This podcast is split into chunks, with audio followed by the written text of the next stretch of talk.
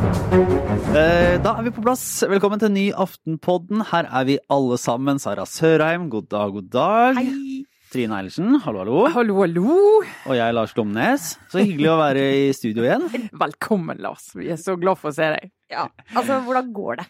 Det går veldig bra. Jeg vil si eh, det er jo av og til når det skjer store ting i journalistikken og i samfunnet, så avbryter man jo ferien sin for å komme inn i studio og lage podkast. Nå har jeg avbrutt, avbrutt uh, fødselspermisjonen min Ja. for å komme her og snakke med dere om det som har skjedd. Men så, du avbrøt jo da arbeidslivet for å gå og være med på en fødsel. Så det, Ja, det er det går jo litt sånn opp i opp Sånn sett så går det jo å balansere seg, egentlig. Hvis jeg har skjønt det riktig, Lars, så går det jo veldig bra med babyen. Eh, En velskapt, frisk, skjønn liten jente. Eh, Men hvordan går det egentlig med deg? Du ser litt grann eh, prega ut, er det lov å si? Det, er du sånn kritisk, men stabil? Nei, det går egentlig veldig bra. Eh, Det er jo altså eh, Livet som nybakt førstegangspappa er jo fullt av overraskelser og stolte øyeblikk. Jeg vil jo likevel si at det var få øyeblikk i denne uka som har vært som gjorde meg mer sånn pappastolt enn da jeg forsto at dere hadde lagd podkast eh, likevel uten meg.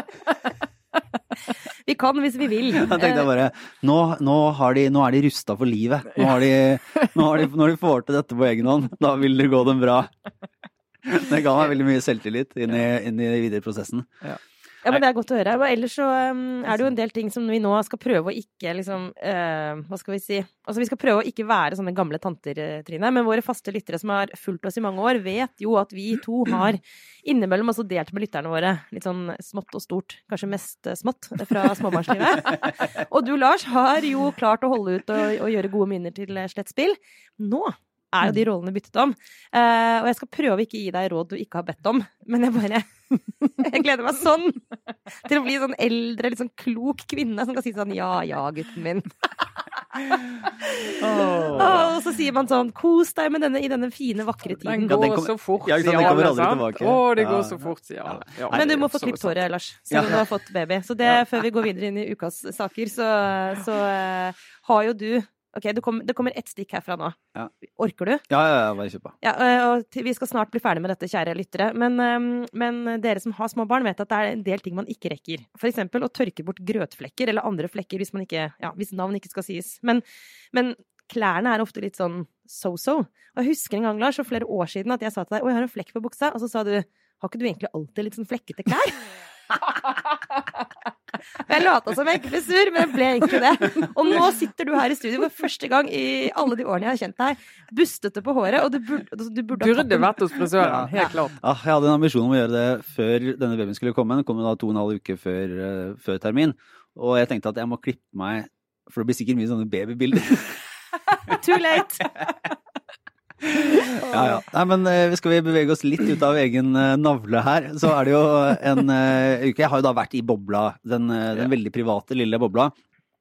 Men heldigvis så er det en uke der det har skjedd litt ting, sånn at det når noen ting inn til meg likevel. Ja, altså, nå har du testa ut å være et normalt menneske, nesten, som ikke sitter i en redaksjon hele tiden. Så hva er det som når inn da? Altså, hva er det du har fått med deg, liksom? Hva er det du har hørt mest om? Ja, nei, Det jeg tenkte jeg ville, også ville høre med dere om, da, som jeg har litt behov for å snakke om, er jo selvfølgelig Geir Inge Sivertsen. Ja, for det har du fått med deg. Det har jeg fått med meg. Eh, Fiskeriministeren som eh, har rota det til på veldig mange måter. Så den tenker jeg det må jeg ha en liten eh, catch-up på. Eh, Og så har jeg sett at, eh, at Arbeiderpartiet mister stortingsrepresentanter. I hvert fall eh, folk gir seg fram mot, fram mot neste års nominasjonsprosess. nominasjonsprosess. -hmm. Det er jo litt sånn spennende. Og så så jeg at Siv Jensen plutselig har bytta veldig rolle fra å være finansminister til å ikke være det lenger. Ja. Så vi skal vel innom det eh, litt, tenker jeg. Ja, men da har du fått med deg, om ikke det viktigste som har skjedd, det er i tillegg et lite virus som sprer seg rundt i verden. Men det trenger vi ikke å snakke om. Og, det, og, det, og der er vi litt forskjellige, har jeg merket med det viruset. Sånn som jeg, jeg, jeg fatter ikke hvordan det angår meg i det hele tatt, jeg. Nei. Jeg forholder meg ikke til det viruset. Nei, det gjør egentlig ikke jeg heller. Jeg er veldig ubekymra på det. Og Så jeg blitt litt bekymra nå, da. Ja, på grunn av Eh, babyen, selvfølgelig. Ja. Så da er sånn, da, men da, siden jeg også akkurat har flytta, så Ja. tenker jeg at da, nå kan vi bare bunkre oss inn i dette Ja. hjemmet, og så venter vi, venter vi det ut. Altså, jeg er faktisk heller ikke bekymra for det viruset, men det jeg er litt bekymra for, er bekymringen for det viruset. Eh, rett og slett. Men vi får se. Det kan hende at dette bare blåser over. Hvis ikke så får vi snakke om det en annen gang. Men akkurat per nå tenker jeg sånn, slapp av. Dette Ja. går bra. La oss heller snakke om Geir Inge Sivertsen. La oss heller snakke om Geir Inge Sivertsen. Fordi- Mens vi kan, før verden går under. Ja, og før, og, mens vi kan, mens han ennå er fiskeriminister, Ja. kan vi kanskje si. Fordi, det, er så, det er fascinerende, fordi han ble jo plukka opp av hatten som et ukjent navn for de fleste da han ble utnevnt til statsråd. Og det var jo litt sånn ja, hvem er dette her, da? Sist var en flink fyr. øh, Opp, eh, nordnorsk fiskeriminister. Høres ut som det er på stell, er stell, sånn som det pleier. Alt alt Ja. er som det vanlige. Og så har han jo fått en start som er på høyde med de verste i politikken. På de verste med Jagland-statsrådene, Ja. vil jeg nesten si. På- Der røk det jo ut fort. Ja, for Hvis man først skal være litt positiv, da. Han gikk i hvert fall fra å være relativt ukjent til ganske kjent, da. ja, Ja. Det var raskt. Det er jo ikke, det er ikke alle fiskeriministre som, som rekker det. Nei. Nei. Men altså, han har jo surra det til på den klassiske måten. Det er jo en, eh, en sånn typisk sånn Altså det derre har fått penger, og så i tillegg statlige penger, da, ikke sant, fellesskapets penger, som man ikke burde ha hatt. Det er en sånn det er en sånn klassiker eh, i kategorien eh, tabber man ikke bør gjøre som eh, politiker. Ja. Så den er jo litt lei, denne saken. For det er, jo, det er jo noen sånne ord også som eh, journalister og politiske journalister eh, med et sånn samfunnskritisk blikk får litt ekstra puls av, og det er sånn etterlønn. Det er også liksom, og dobbeltlønn. Og som vi jo har vært innom det året som har vært, som er sånn reiseregninger. Ja. Det er egentlig det er, det er sånn ettersporbare økonomiske ytelser som politikere får. Og Der bør det være en relativ ryddighet. Og der har det jo vist seg at eh, Sivertsen da har fått Én ting var at han, eh, han ble utnevnt til statssekretær da i, i Næringsdepartementet, eh, men fikk altså fortsatt lønn som ordfører eh, en periode. Mm. Fram til han egentlig skulle begynne som eh, statssekretær først. Ja, altså begynne å jobbe på ordentlig. Det er liksom mange rare liksom, Ja, det er beskrivelser rart, inni dette her. Og det, det å være i altså, regjeringsapparatet, det er, jo, det er jo null eller én. Altså enten er du det, eller er du det ikke. Det er ikke sånn jeg har 20 stilling som statssekretær. Det er jo ikke sånn det fungerer. Du er liksom, Det er kongen i statsråd full pakke. Nå er du her, nå er du ikke der. Slipper alt du har i hendene, og så begynner du å jobbe med det. Jeg snakket med noen i regjeringsapparatet her i forrige uke om, om eh, egentlig bare snakket om hvordan prosesser eventuelt stopper opp, eller hvordan det er i en regjering når man har så mange bytter som det man hadde eh, her da Frp gikk ut. Mm. Eh, og da var jo påstanden at det er ikke sånn at det egentlig bremses så veldig mye, for de som kommer inn som statssekretærer og de som er nye i sånn apparat, de må jobbe så vanvittig mye Mm. og hardt de første ukene. Ja. Og når du kommer inn og tar over et område, så er det, er det fullt kjør. Da må du bare du må lese dokumenter, og du må komme deg inn i prosesser, og da har det departementstoget, det fortsetter å gå. Så er det kanskje noen ting som må Og du overtar jo bare kalenderen til forgjengeren, ja. så du Mm. bare går rett inn. Det er samme opplegg, ny person. Men er det også en grunn til å være Skal vi da tenke litt sånn å, men det er ikke så rart at du surrer litt med papirene. Sånn, jeg glemmer også noen ganger å betale regningen til barnehagen hvis jeg har veldig mye å gjøre. Hvis, liksom... hvis liksom- du har det så travelt, så rekker du kanskje ikke å søke om etterlønn. Nei. Nettopp. For det er sånn stikkord. Jo, fordi For i sånne saker, da, eh, så handler det jo også ganske mye om hva man visste, og hva man liksom aktivt har gjort selv. Eh, der fins jo også andre typer sånne saker hvor du har for eksempel bare ikke vært klar over at du har fått penger. Altså, det kan også skje. Eh, men det er klart at hvis du aktivt, som i dette tilfellet, aktivt søker eh, etterlønn som du ikke burde hatt, så er jo det en litt vanskeligere sak å, å komme unna, selv om det kan jo likevel være en ærlig feil. Det vet ikke vi.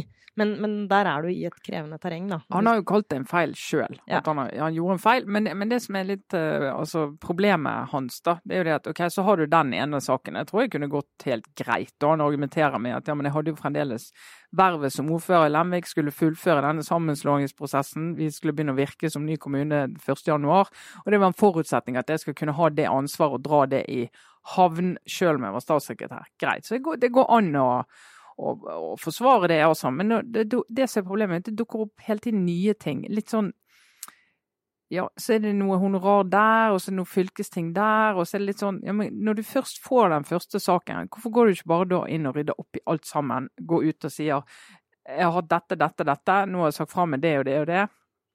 Nå, nå er vi ferdig. Men han har liksom gjort denne klassiske tabben med at fra blitt presset fra skanse til skanse. Sant? Og da spiser du til. Han har ikke rukket å bygge tillit engang ute i offentligheten, og så spises tilliten opp før han egentlig har begynt. Og så er det liksom forklaringen blir litt tynn også. Det er sånn Det skjedde en feil, nå skal jeg rydde opp i den. Altså det er sånn ja, men det skjedde jo ikke bare en feil. Det er ikke Folk flest er jo ikke et sånt system at de kan, eh, kan melde seg på for en, eh, ja, for en etterlønn. Liksom. Det er liksom ikke de prosessene. Så det er i hvert fall vanskelig for veldig mange, tror jeg, å, å fatte at det er noe som bare skjer med deg. Du er, måte, du er jo en uh, agent i eget liv. Du har liksom en, uh, du har en funksjon. Du, dette, det er ikke bare sånn at det ramler inn hundretusener på vanlige folk hele tida fordi de har ekstra jobber eller har hatt verv eller sånne ting. Så det bare vanskelig å forklare. Og det er jo en grunnleggende politisk vrient, da, hvis det blir sådd tvil om hun har måte, fellesskapets interesser eller egeninteresser først. Ja. Og det, det, er jo en, en en skal ikke liksom, være for moralsk fordømmende overfor Sivertsen, som, som, sikkert har brukt enormt mye tid og energi på å være en bidragsyter og ordfører og engasjert seg i lokalpolitikken og alt det der. Men sånn tillitsmessig i politikken, så er det mm. veldig vanskelig hvis du blir sett som en som eh, ordner til deg penger sjøl, ja. når du har som ansvar å forvalte det på vegne av, av, folket. Altså I sånne roller så holder det at det bare er sådd tvil for at det er et problem. Ja. Og, det, og sånn er det i, i sånne type tillitsverv eh, som, som, han har nå. Så, så er det egentlig Det skal ikke så veldig mye til før du bare har fått eh, et problem som gjør at det kan være, kan være krevende å fortsatt ha det vervet. Mm -hmm. og, da, og, dette er typisk sånne saker, så du, du kan måtte f.eks. gå fra en statsrådsjobb for ting som åpenbart ikke er lovbrudd eller svindel eller noen av sånne altså, Men rett og slett bare fordi det er handlinger, uansett intensjon, som førte til at eh, tilliten ble svekket, og det ble sådd tvil om intensjoner. Og da kan det være at det, da kan det være at det riktige er å tre til side eller, eller, gå ut. Ja. Så det er veldig spennende å se hva Erna Solberg gjør, da. For jeg er litt sånn oppriktig ja. Eh, nysgjerrig på om hun tenker at at dette er noe som uh, bare jobber seg gjennom. Altså, sånn, dette her, det er litt det er noe altså, rot. Altså, dette rydder vi opp i, det her bare går vi videre. Ja. Sånn, sånn, kan hun jo være. Mm. Uh, I andre tilfeller så kan jo Erna Solberg være veldig hard på, ja. på det som ses på som feil eller grums. Bare sånn ja, ok, det, nå er det Nå bare kutter vi det ut. Nå ja. gjør vi det på en annen måte. Her er det jo så utrolig kort tid etter at han begynte. da. Det er jo personlig uh, Ja, det, det, er jo Det svir jo veldig, da. Og så er det jo Altså det, som sagt, det er jo det han er kjent for. Det var ingen som visste hvem han var. Så hvis si hadde vært eh, Torbjørn Røe Isaksen eller en veldig profilert eh, politiker som også er kjent for andre ting, så er det litt, på en måte litt lettere å gå videre og bygge seg opp igjen. Fordi at du har mye tillitskapital som du har bygd opp i en eh, nasjonalt. Eh, men han har jo eh, sikkert eh, mye tillit lokalt, men det hjelper liksom ikke når du er en del av en norsk regjering som, og er en person ingen har hørt om. Og så er det derfor, dette de knytta til navnet ditt. Mm. Skal, eh, det har vært eh, trukket paralleller, kanskje ikke unaturlig, til Nav-saken, mm. som, har, eh, som har ridd Norge en, en, stund. Som dreier seg om, om vanlige folk som har benytta seg av en, et gode. Enten de har ja, forstått reglene 100% eller ikke, men reist til utlandet, tatt med seg ytelser. Og har, noen har jo havna i fengsel for det. Nav er veldig veldig strenge på dette. Behandler alt på høyeste alvor hvis du får ekstra penger, så skal du mer eller mindre svi. Mm. Og her eh, er det jo da en, eh, en toppolitiker som får inn ekstra penger, og statsministeren er på at ja, her skal det ryddes opp, det er gjort en feil, nå skal vi gå videre. Ikke, er det naturlig å sammenligne de sette den eh, kontrasten, eller er det urettferdig? Nei, jeg syns ikke det er urettferdig. Altså det, det, det, er forskjellige systemer, selvfølgelig, og det er forskjellige sånne eh, insentiver holdt på å si du har lyst til å motvirke i de systemene når du har de reglene du har. Men hele poenget er jo at hvis du er politiker og skal være med og vedta lover som gjør at vanlige folk eh, rammes veldig hardt hvis de både bevisst og ubevisst gjør sånne feil. For det er ofte i Nav-systemet. Du, du, kan jo bli straffet veldig hardt for å gjøre feil som ikke er veldig bevisst òg. Eh, og det er jo personer som er i en livssituasjon som gjør at du kan godt forstå at de har gjort en feil eller ikke har fått med seg at et eller annet har skjedd, men straffen blir jo fremdeles ganske tøff. Og Hvis du er politiker som vedtar den type regler, så er det jo ekstra viktig, og det er jo derfor det er så viktig med politikere og tillit, ekstra viktig at du er pinlig nøyaktig sjøl, og at du når du vurderer dine partifeller, er like pinlig nøyaktig når du skal si hva er det som er innenfor og utenfor. Og Derfor mener jeg det, det er jo helt uholdbart at en sentral politiker slumser, eventuelt gjør det bevisst på denne måten. Begge deler. Eh, det går ikke. Så kan du kan tilgis for ting som du åpenbart ikke har eh, fått med deg, men hvis du har gjort det bevisst, så er det en annen situasjon. Mm. Men er du nå sånn hard at uh, Sivertsen må gå, Trine? Altså han, Vår gode kommentator Andreas Lettholm hadde jo ukens beste tittel på sin kommentar. Det på stor tittel. Det er på tide at Sivertsen søker om etterlønn. Mm. Denne gangen. Og det, og det, men poenget er jo det at de etterlønnsordningene, og de vil jeg forsvare herfra til evigheten, at politikere har mulighet for etterlønn når de eh, må gå fra et verv eh, eller plutselig mister den inntekten. For det, sånn er det å ha et tillitsverv. Det kan forsvinne pga. valg eller hva det måtte være. Fra den ene dagen til den neste. Og du får ikke folk til å ta den type verv hvis du har, ikke har en viss økonomisk beskyttelse når du mister det vervet av en eller annen grunn. Syns jeg er helt riktig. Men da er du nødt til å bruke den ordningen akkurat sånn som han skal brukes. Du må ikke bruke han til andre ting. Men Sletta, altså Andreas Slettholm har, uh, har antyda at uh, Sivertsen bør gå av, men Aftenposten stiller, ikke sin liksom, tyngde bak dette ennå. Er det sånn? Ja, altså, Andreas Slettholm har jo egentlig skrevet det. Eh, og så skal vi i Aftenpostens eh, redaksjonsledelse ta en liten prat om eh, hvordan vi skal håndtere det videre, som det heter. Ikke sant. Ja. Vi bare fortsetter med en liten sak som jeg plukka opp og syntes var interessant. Fordi det var vel Jan Tore Sanner som skrev, et, skrev et, en, en, kommentar. Han, var det en del av hans faste kommentarer i Dagens Næringsliv? Han har vel hatt noe jevnlig der. Uansett så skrev han om Ja, det er bare at de kommentarene, eh, de politikerkommentarene i den sjangeren der blir sjelden kioskveltere. Ja. Um, det er liksom ikke sånn at det er sånn Å, nå er Jan Tore Sanners faste spalte i Dagens Næringsliv eh, endelig ute. Og det er Det er så litt sånn trist som i sånn redaktørrolle. For jeg syns det er helt utrolig bra at de viktigste politikerne våre eh, skriver i offentligheten og deltar og har spalter og er med i ordskiftet. Eh, men så er det jo sånn at de har ikke tid til det, så veldig mange av dem skriver jo ikke de selv. Eh, eller hvis de skriver det selv, så hjelper egentlig ikke det. Altså, det er rett og slett bare utrolig kjedelig. Mm. Men det er veldig bra. Jeg heier egentlig på det, men uh, ja. Uh, og hvem skulle da trodd at Jan Tore Sanner klarte å fyre opp en, en debatt med sin spalte i Dagens Næringsliv? Men, ja, det, altså, det er, men det er uansett en suksess. Altså, hvis ja. en sånn politikerspalte i en avis noensinne vekker debatt, så er det faktisk veldig, veldig bra. Det er nesten samme hva det er om. Gjennomslag. Gratulerer. Ja. Og det var jo ikke som at Jan Tore Sanner her strakk seg veldig langt ut i ytterkantene av sitt det ekstreme. Eh, nei, eh, for det var jo et, et, poeng om at eh, som finansminister så er det måtehold og moderasjon, og eldrebølgen kan føre til at vi får strammere budsjetter i tiden fremover, og alt det som finansministre sier. Men det var jo litt interessant å se at Siv Jensen, sammen med Sylvi Listhaug, mm.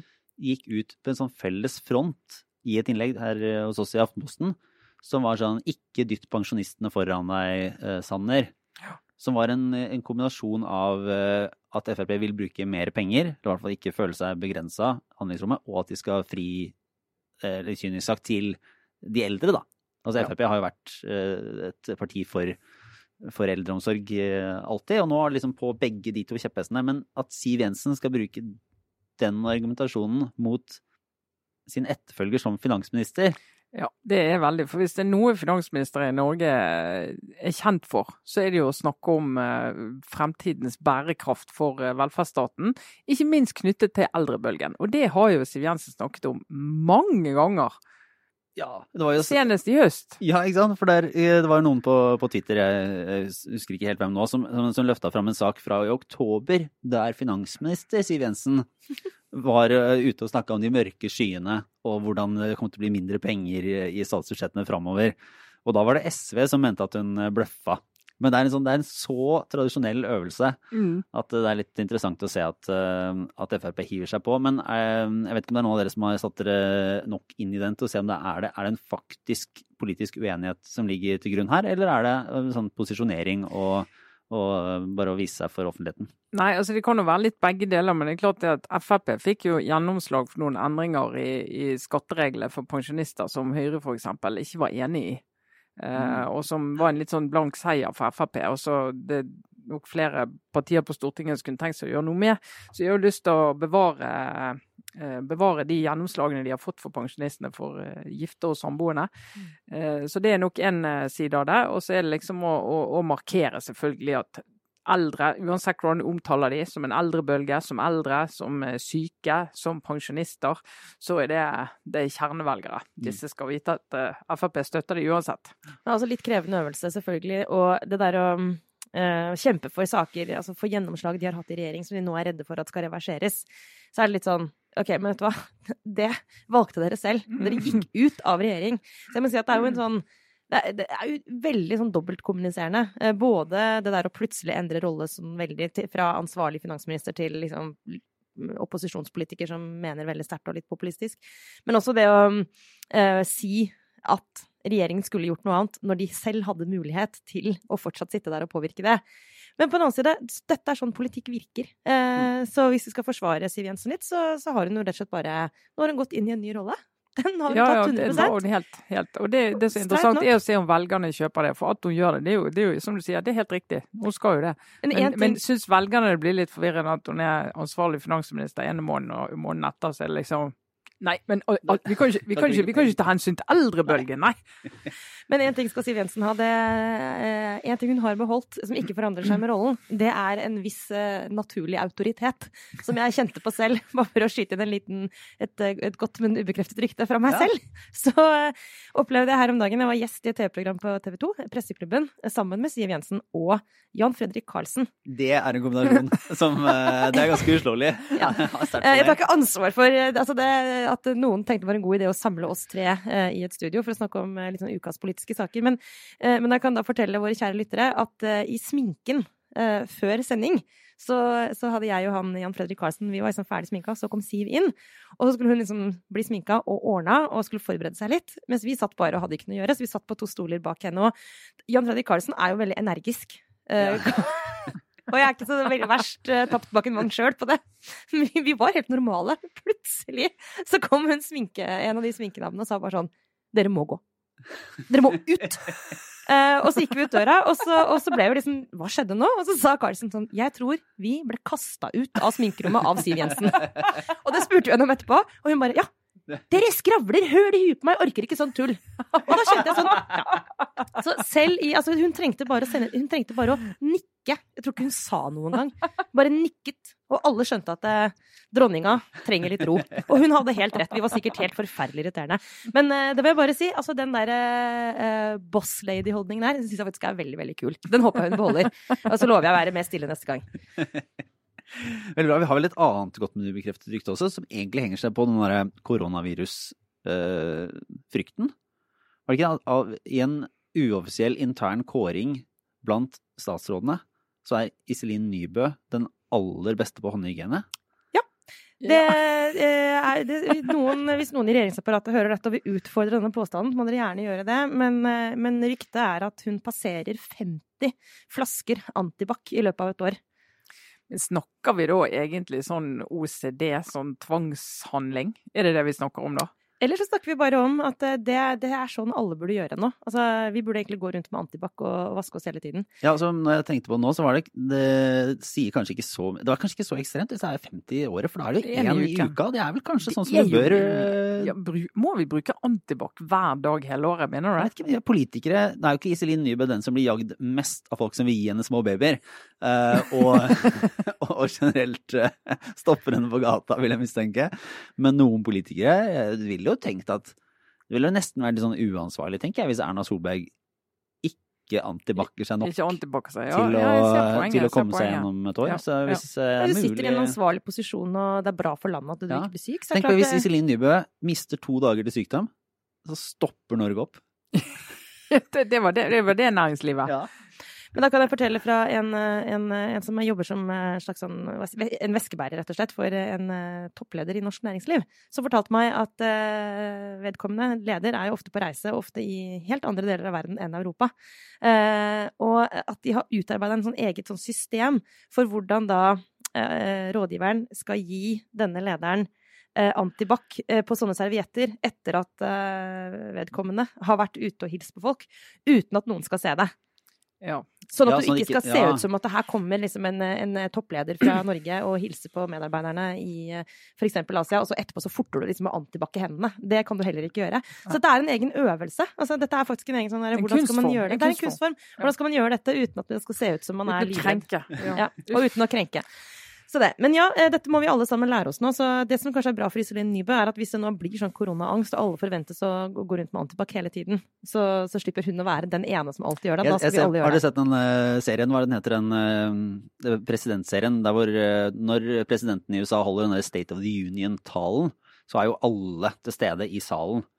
Og så er det en serie som, som da, da, et, da sier man sånn at det, hvis alle dør, så er det noen som blir president. A designated survivor. det er det. Ja. Det heter den. Der han Utrolig Keefer Sutherland eh, skal, er liksom en sånn ubetydelig politiker som må sitte utafor rommet og bli president hvis noe går galt, og så sprenger vel hele, Hele kongressen. hele Kongressen. Og sånn blir det i Norge når Wuhan-koronaviruset Da knekker ballet, tar knekken Da sitter. Iselin Nybø nyglansa i antibac og styrer hele sjappa. Ja. Ja, det er veldig bra. Med mindre, med, ja, med mindre og det ser jo ikke ut som det, at, eh, at uh, vi skulle fått noen andre inn i regjering i dette landet, da. Men sånn som de surrer på Nå prøver jeg å lage en overgang, Lars, Ja. til neste sak. Ja, Sånn så som skulle kanskje bare fått en helt ny regjering, tenker du. Ja. Ja. Nei, vi skal vel snakke litt om opposisjonen også. Eh, Ja. Og sånn som det foregår, eh, sånn som det surres på nå i, eh, i det største opposisjonspartiet vi har, så spørs det vel om vi Akkurat nå så ville jeg ikke satt pengene mine på at eh, en Arbeiderparti-regjering nødvendigvis heller vil være en Vil gå sånn kjempebra. At det vil være uproblematisk. Nei, men nei, for det, den andre, eller hva blir det, tredje saken som, som kom litt inn i bobla, som er interessant i, i eh, politikken og i Arbeiderpartiet og nå, er jo nettopp det to, eh, to beskjeder om at Jette Christensen fra Hordaland og Marianne Martinsen fra Oslo ikke tar gjenvalg til Stortinget. Og det er jo ikke noe sånn kjempesjokk at det er en viss utskifting Mm. i alle partier. Og i de store partiene så skjer det jo en del uh, hvert år, men det er jo to personer som har vært uh, ganske sentrale, sett på som talenter, har vært uh, respekterte og fått roller tidligere, som nå bestemmer seg for å, å gi seg, og som gir litt sånn derre eh, De sier det jo ikke rett ut, men eh, Marianne Martinsen sa vel at det er sånn interne eller sånn internes forhold, eller Ja, noe som var grunnen til at hun ikke gir seg. Jette Christensen snakka om at hun liksom ikke kjente igjen helt eh, stortingsgruppa da han kom tilbake etter valget i 2017. At det, de gir jo begge en, eh, en, eh, en beskjed om at dette handler om ting som skjer i Arbeiderpartiet, som de ikke er fornøyd med. Mm. Og det er jo problematisk. Bare skyte inn før vi går på det, at eh, de er jo ikke altså, Skal jeg faktisk arrestere deg litt? For du omtalte dem som talenter. Ja, ja, Og, og det, jo, men altså, det er bare og det, Ikke for å altså, det, jeg skjønner, De har vært i offentligheten omtalt som talenter mange ganger, altså, så det er kanskje det du refererte til. Men, men i politikken nå disse årene i Arbeiderpartiet har det jo vært veldig mye mer enn talenter. De har jo vært etablerte med eh, tidligere ganske med relativt, altså ikke bare relativt, med tunge posisjoner i partiet, eh, som de ikke lenger har, da. Men sånn som Marianne Martinsen var jo da finanspolitisk statsperson for Arbeiderpartiet. En av, de, en av de tyngste rollene du kan ha på Stortinget. Eh, så det er bare en litt, litt sånn nikk til at Ja, eh, kvinner eh, har en tendens til å bli kalt talenter eh, litt lenger ut i livet enn menn. Ja, så flinke Også, damer. Du, du, Sara, er et kjempetalent. Kjempe- Ja, redaktørtalentet Sara Sørheim på 40. Sorry. Ja, ja, nei, men- det, det skal sies. Jette Christensen er vel 36, og Marianne Wartisen er 39. Men litt sånn talentbeskrivelsen er også fordi de har vært sett på som personer som kunne gå inn i en regjering, Ja. f.eks. i 2017, dersom Mm. Arbeiderpartiet vant valget. Det er riktig. Eh, Og sånn sett så har de på en måte de har, vært, eh, de har vært forberedt på større oppgaver, og nå har de bestemt seg for at nok er nok. Og så er jo spørsmålet er det mer dramatisk for Arbeiderpartiet nå enn det det f.eks. var for Høyre i, eh, i 2013 eller, eller 2017, da noen av deres på en måte eh, politikere på rundt 40 gir seg. For det er jo mange politikere, nettopp når de kommer til det sjiktet, så er det, liksom, er det sånn skal vi, ha, skal vi ha en karriere i politikken resten av livet, eller skal man gå ut og gjøre noe annet? Og det, og det er jo en sunn og god og en helt annen diskusjon enn denne. fordi at eh, når de da sier nå har jeg vært politiker i to-tre stortingsperioder, jeg er så vidt 40, jeg har behov for å gjøre noe annet. Det tror jeg egentlig alle kan forstå. Og det var jo en, en periode der flere gjorde det og sa at uh, Tor Geir Micaelsen i Arbeiderpartiet blant andre sant? gikk ut da og sa at uh, jeg må gjøre noe annet. Uh, også Mm. en som de hadde satset på og, bygget opp. Også finanspolitisk talsmann. Ja, og helse og ja. Sånn at eh, han eh, gjorde det, og flere har gjort det. Men dette, de begrunner det jo ikke på den måten i det hele tatt. Og det er jo derfor det er vanskelig. Og så, for, for det det er en eh, sterk illustrasjon på, det er jo at alt det som skjedde høsten 2017, alt det som skjedde i forbindelse med håndteringen av, av varselet og Giske og alt rundt det, Altså, De er ikke ferdig med det. Det har gjort noe med livet i den stortingsgruppen og i det partiet som gjør at disse to da tenker at det her, her kan ikke jeg være. Og det er jo klart et stort tap for Arbeiderpartiet. Altså en Marianne Martinsen som jo altså, jeg ikke kalle henne talent, nei, men en markert og tung politiker. Når du er finanspolitisk talsperson for det største partiet, så er du inne i alle sakene og i debatter hele tiden. Og hun gjorde en veldig god figur. Så det var liksom ingen tvil om at hun var en de satset på og bygget opp. Og når hun da trekker seg på dette grunnlaget og sier at det er egentlig ikke et sted jeg kan Jeg ser at jeg har en fremtid. Da får du igjen en sånn diskusjon på om at, og det blir summing om at dette partiet virker ikke. sant? Mm. Og det trenger jo ikke Arbeiderpartiet ett og et halvt år før valget. Nei, og så er det jo, det er jo en forskjell i det at eh, når hun sier at, eh, at det er interne forhold og sånne ting, så er det mindre sannsynlig at hun vil komme tilbake som finansminister Ja, i en, i en Arbeiderparti-regjering enn det var da eh, altså Ketil Solvik-Olsen sa nei takk til å bli gjenvalgt, Torbjørn Røe Isaksen sa nei takk til å bli gjenvalgt.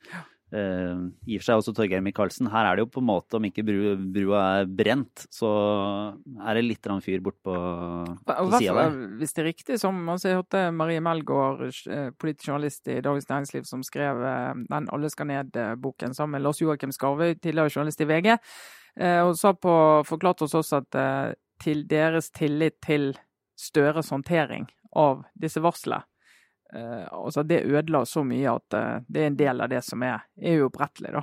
Jeg tror det er litt viktig. altså Uavhengig av hva som er uh, bakenforliggende grunnene til at disse to politikerne går av, jeg skal ikke spekulere for mye i det, men det faktum at de slutter, mener jeg man bør kunne i hvert fall om, det ikke er 100 derfor, så, så tror jeg man kan tolke det litt som at Jonas Gahr Støre har ikke lyktes med å, å bygge eh, en organisasjon eh, og et miljø som oppleves som sånn veldig appellerende, og som et, eh, som et bra sted å være hvis du virkelig ønsker å utvikle en ny politikk.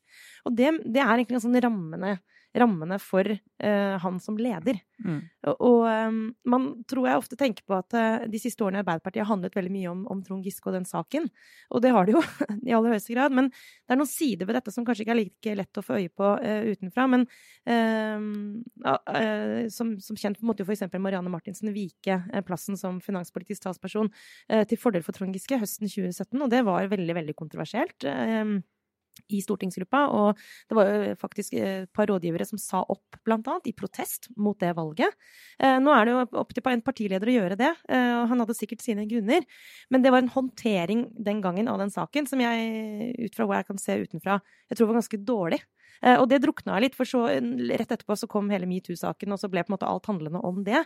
Men det var allerede før eh, metoo og Trond Giske-saken eh, tegn til at eh, ledelsen, partiledelsen, ikke klarte å få stortingsgruppa til å fungere sammen.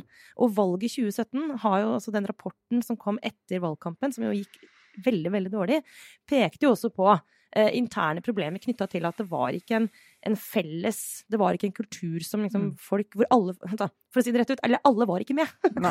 det var, ja. eh, og det var splittelse, og det var dårlig stemning. Og eh, det at så sentrale folk ikke ikke vil være med videre, når Arbeiderpartiet ligger jo an til eh, å få regjeringsmakt høsten 2021. Og Jonas Gahr Støre er nok ganske sikker på altså jeg, Hvis jeg har skjønt det riktig, så, så driver jo han nå og leker med liksom sånn OK, hvordan skal min regjering se ut? Altså naturlig nok, da. Det må det jo i den posisjonen. Men altså, eh, akkurat nå så eh, burde det være omvendt. Akkurat nå Mm. så burde alle de flinke folkene som er i Arbeiderpartiet, og alle som kunne tenke seg å være det, egentlig flokke seg rundt Støre. Mm. Melde seg til tjeneste. Nå er sjansen her. Om ett og et halvt år så kan de sitte i regjering.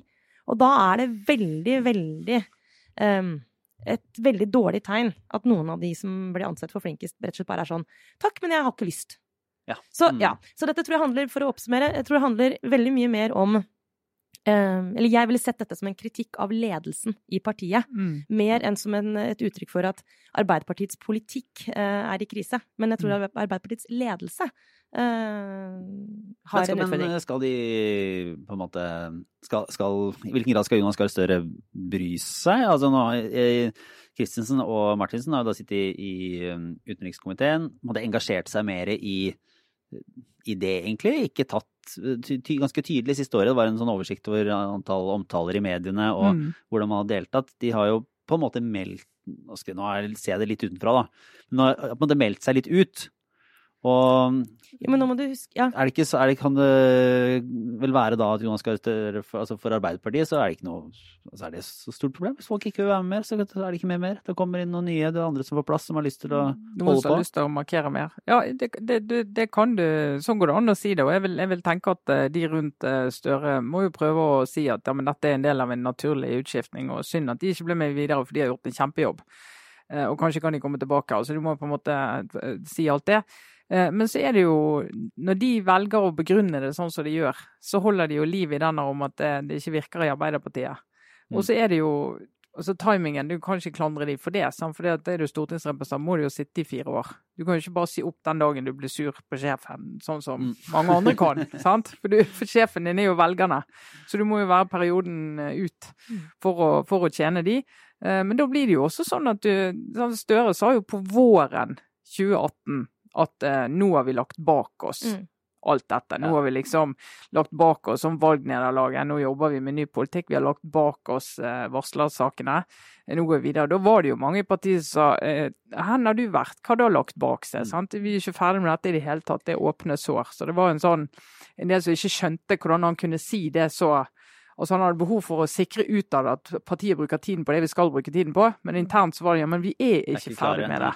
Nei, og det hjelper jo ikke da eh, at partisekretæren Kjersti Stenseng også er eh, veldig veldig omstridt, og, og helt åpenbart fortsatt sliter med eh, å gjenvinne tillit i deler av partiet, som opplevde at hun håndterte hele varslersaken dårlig.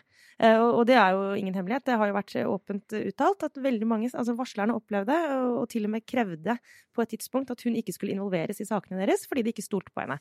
Og så kan man jo bare gjette seg frem til altså, hvem som har rett og ikke rett, og her er det påstand mot påstand, og jeg er helt sikker på at saken ser veldig forskjellig ut fra eh, hvilket ståsted du har. Men uansett, vi er litt tilbake til Sivertsen-diskusjonen, for når du sitter i sånne posisjoner, da, eh, ledelse eller tillitsverv, så er det sånn, det er egentlig irrelevant om det er din egen feil eller ikke. Poenget er at har du mista garderoben, så har du et Mm. problem. Og jeg tror at vi må bare kunne konstatere at eh, Jonas Gahr Støre og Kjersti Seseng har mista garderoben. I deler av partiet, i hvert fall. Litt av garderoben. Eh, og det er, det er et problem.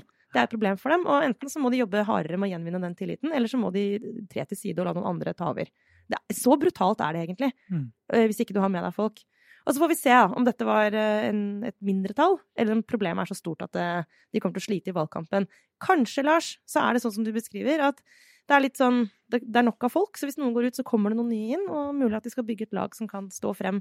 Kanskje er det folk der vi ikke engang vet om, som skal liksom stige frem som de nye stjernene, men Men det er jammen på tide. Ja. Altså, nå, nå skulle jo Arbeiderpartiet, etter å ha vært i opposisjon i over seks år, så skulle de ha hatt et lag som var helt lysende sterkt. Og Ja. så sto det så de har bygget opp gjennom de komiteene i de siste seks årene. de skulle stått og trippa, de nå. De, skulle stått der, og de skulle deltatt i debatter og vært eh, keen og inne i alle de vanskelige sakene. Og det, der er de ikke. Ja, ja. Eh, Vi får vel runde av med en eh, runde obligatorisk refleksjon. Eh, Hvordan er det med deg, Eilertsen, inn i denne helgen? Går du og grunner på noe? Nei, jeg, jeg går ikke og grunner på noen ting. Det eneste jeg har lyst til, Lars, det er å dele med deg topp tre godnattsanger. Men det er veldig fint, for da kan vi da kombinere dette, for det er egentlig min Det var jo en liten lekkasje i min OR nå, fordi jeg er ikke egentlig en sånn syngende type. Men Det blir du det fort. blir jeg, vet du. Det det. nå ser jeg det, det er så mange ting som nå treffer meg. Eh, både egne tidligere uttalelser og eh, hverdagslivet treffer meg fort og, og hardt. Og da har jeg nå sånn Jeg orker jo ikke å gå og prate til en sånn liten baby. En kan ikke si nye ting hele tida. En kan ikke drive og fortelle, en kan fortelle historier eller bare liksom Du skal jo gjerne si noe. Så da er det jo lettere Da blir det jo litt sånn nynning og synging og alt det greiene her. Mm. Ja, og da gjelder det å ta grep. Og du, du må gjøre det nå, for at eh, man må rett og slett uh, lære seg noen sanger. Hvis ikke så blir man gæren. Så Ja. Trine og jeg har jo vært gjennom dette, og eh, vel, nå, nå tok jeg nesten fra deg. Jeg skal la deg få fullføre din OR, Trine. Bare Ja, men det her må jo vi alle dele, Ja, føler ja, jeg. Føler at dette er et Men jeg mener at alle de barnesangene er, jo tilsynelatende skrevet med muligheten for å bruke samme, samme melodi. Så Ja. en kan liksom begynne, Nei, begynne på en, og så går det over i en annen. Ja, det er jo over, det ja. er helt eh, Ja, vi, er jo, vi opererer jo mye i moll. ja. Så Trine Eilertsen, hvis du skal gi dine topp tre barnesanger Ja, den jeg har sunget aller mest, det er Soro. Nettopp, ja, den er Soro Lillemann. Mm. Det, det var den første jeg lærte meg. Tenkte jeg, nå, denne må jeg ha. Og så eh, Blåmann. Eh, hører med. Det er litt sånn distriktsvariant, det. Ja, men også Nå lukker solen sitt øye. Altså, jeg har jo stått frem som eh, salmeelsker, og nå lukker solen sitt øye. Da lukker jeg også mitt. Ja. Den er veldig fin, Lars. Den syns jeg du skal få inn litt åndelighet her ved sengekanten. Men mange av de barnesangene jeg, Dette er ikke min liste at all. Nei. Nei. For det første, eh, nå lukker solen sitt øye, jeg lukker også mitt. Det høres ut som at du dør. Unnskyld. Nå har jeg ødelagt den for alltid. Altså, det er min, veldig min mange- yngste legger seg ikke uten den. Nei. Nei, men det er veldig mange av de barnesangene som er veldig veldig triste, nemlig. Og også Ja, derfor Blåmann bare har første vers. Ja, nettopp. Det var nemlig mitt poeng nummer to. Blåmann, blåmann-boken min ender jo med Altså, det går ikke bra med Ja, nei, det går jo ikke bra. Det må være litt Trines barnesanger er bare sånne utrolig triste saker. So Soro Lillemann funker dog. Men du har jente, så du må bytte ut med lille barn. Ja, Ja. nettopp. Mm. Eh, men eh, jeg vil bare slå et slag for Byssan Lull. Byssan Lull. Verdens Ja, du- fineste ja, barnesang. Ja, den er fin. Og så skal jeg snike inn da Det er ikke sikkert alle lytterne er dødsinteressert, men til dere I som noe er av det. dette? Nei. Nei, men uh, jeg vil også bare slå et slag for å bytte ut de klassiske barnesangene med liksom popsa popsanger. Altså ting man hører på selv. For Ja. eksempel så har jeg nå gått over til å synge Nå er jeg snart gjennom hele DumDum Boys-diskografien for mine barn. På, på, til, på sengekanten. Ja, Uh, månen den er stor og rund. Både den og jeg er full. Ja. Alle har et sted å gå. Der ligger du og sover nå. For eksempel. Ja. En nydelig nattasang. Kan du synge den på melodien til Bamse fyller 50 år? Nei, du må også lære deg melodiene. ja, du må lære deg melodiene, Lars. Det er her er Spotify fin å ha. Oh, nei, nå syns jeg nå er vi gode. Nå er vi, det, var, det var tidligere i Aftenposten-historien en eh, heftig debatt, særlig i sosiale medier, på om vi skulle ha hvor mye sånn privatliv og barneting man skulle ha. Ja, nå er vi ferdig med den debatten. Vi har så mye vi vil. Ja. det, var, det, er det, tidligere, der det motstanderne tidligere hadde en slags eh, støttespiller og forkjemper i meg, så kan dere bare Den støtten er nå tapt. Så eh, nå kan vi bare slå oss løs. Nei, men har du noe Ja, men når Trollmor har lagt sine Elvesmått, den er ganske gøy. Ja. For det, er for det gøye lyder. Oi, oi, oi. oi. Ja, sant? Sant? Det er gøy. Den er fin. Og så Never Walk Alone funker dødsbra. Men eh, jeg har en OR som er, helt, eh, som er kjerne. Jeg har en kjerne-OR, men jeg skal si det så kort, for jeg vet at dere andre er lei. Jeg jeg skal bare si at jeg Du vet den Giske-boka som Ja, jeg mhm. snakket om forrige sending? Den har jeg lest. Ordentlig godt, faktisk. Fordi jeg tilhører jo kanskje et mindretall som er jeg er besatt av den saken. For min del kunne vi kunne snakke om det hver uke. Jeg gjør jo nesten nå, men jeg ikke Jeg innser at det kanskje ikke er alle som er like interessert, men jeg kunne lest en bok om den saken også i uka. Eh, Jeg syns den er så utrolig interessant. Men jeg skal ikke plage dere med for mange detaljer. Jeg skal bare si at den boka, for de eh, av dere der ute som har, som meg, eh, fortsatt en høy interesse for den saken, så kan jeg bare anbefale den. Det er ikke alt der jeg er enig i, og det, det er også en ganske sånn eh, akademisk tilnærming som jo ellers er veldig kjedelig. Altså ordet diskurs. Ja, brukes mye i boka. Mhm. Og det er sånn når jeg hører ordet diskurs, og spenner jeg hanen på min revolver, eh, eller hva man skal si. Eh, Men akkurat i denne sammenhengen så var det egentlig litt greit. Vi trengte egentlig en litt sånn kjedelig bok om denne saken, Mm. fordi den rydder. Eh, Og den er- rydder opp i Og dette med at hvilket ståsted du har, faktisk påvirker i veldig stor grad hvordan du ser denne saken her. Jeg tror alle har ganske godt av å lese. Alle vi som mener noe om den saken, har godt av å lese den. Dere andre Den kan jo ikke være så kjedelig når, når NRK ikke vil ha forfatterne i studio for å snakke om ham på Politisk kvarter. Nei, da, nei, da må det være litt temperatur. Ja, nei, men da tror jeg Nå har vi, nå har vi lulla oss eh, inn i, i mye her. Så da tar vi oss og takker for oss eh, for denne uka. Veldig hyggelig å være tilbake etter min lille pause. Fint å se deg, men du skal hjem igjen nå og permittere mer. Ja, en uke til, men jeg er Ja. tilbake eh, liksom, faktisk for fullt da, innen neste, neste torsdag. neste torsdag. Så det skal da være Ja, ja, ja. Nå, nå går det. Jeg skal, skal nok etter hvert snakke om andre ting enn barnesanger òg, men eh, hvem vet? Det kan bli en uke eller to til. Det er jo spennende, dette greiene her. Finfitt. Det var Aftenboden. Trine Eilertsen, Sara Sørheim, jeg er Lars Glomnes. Ha det bra.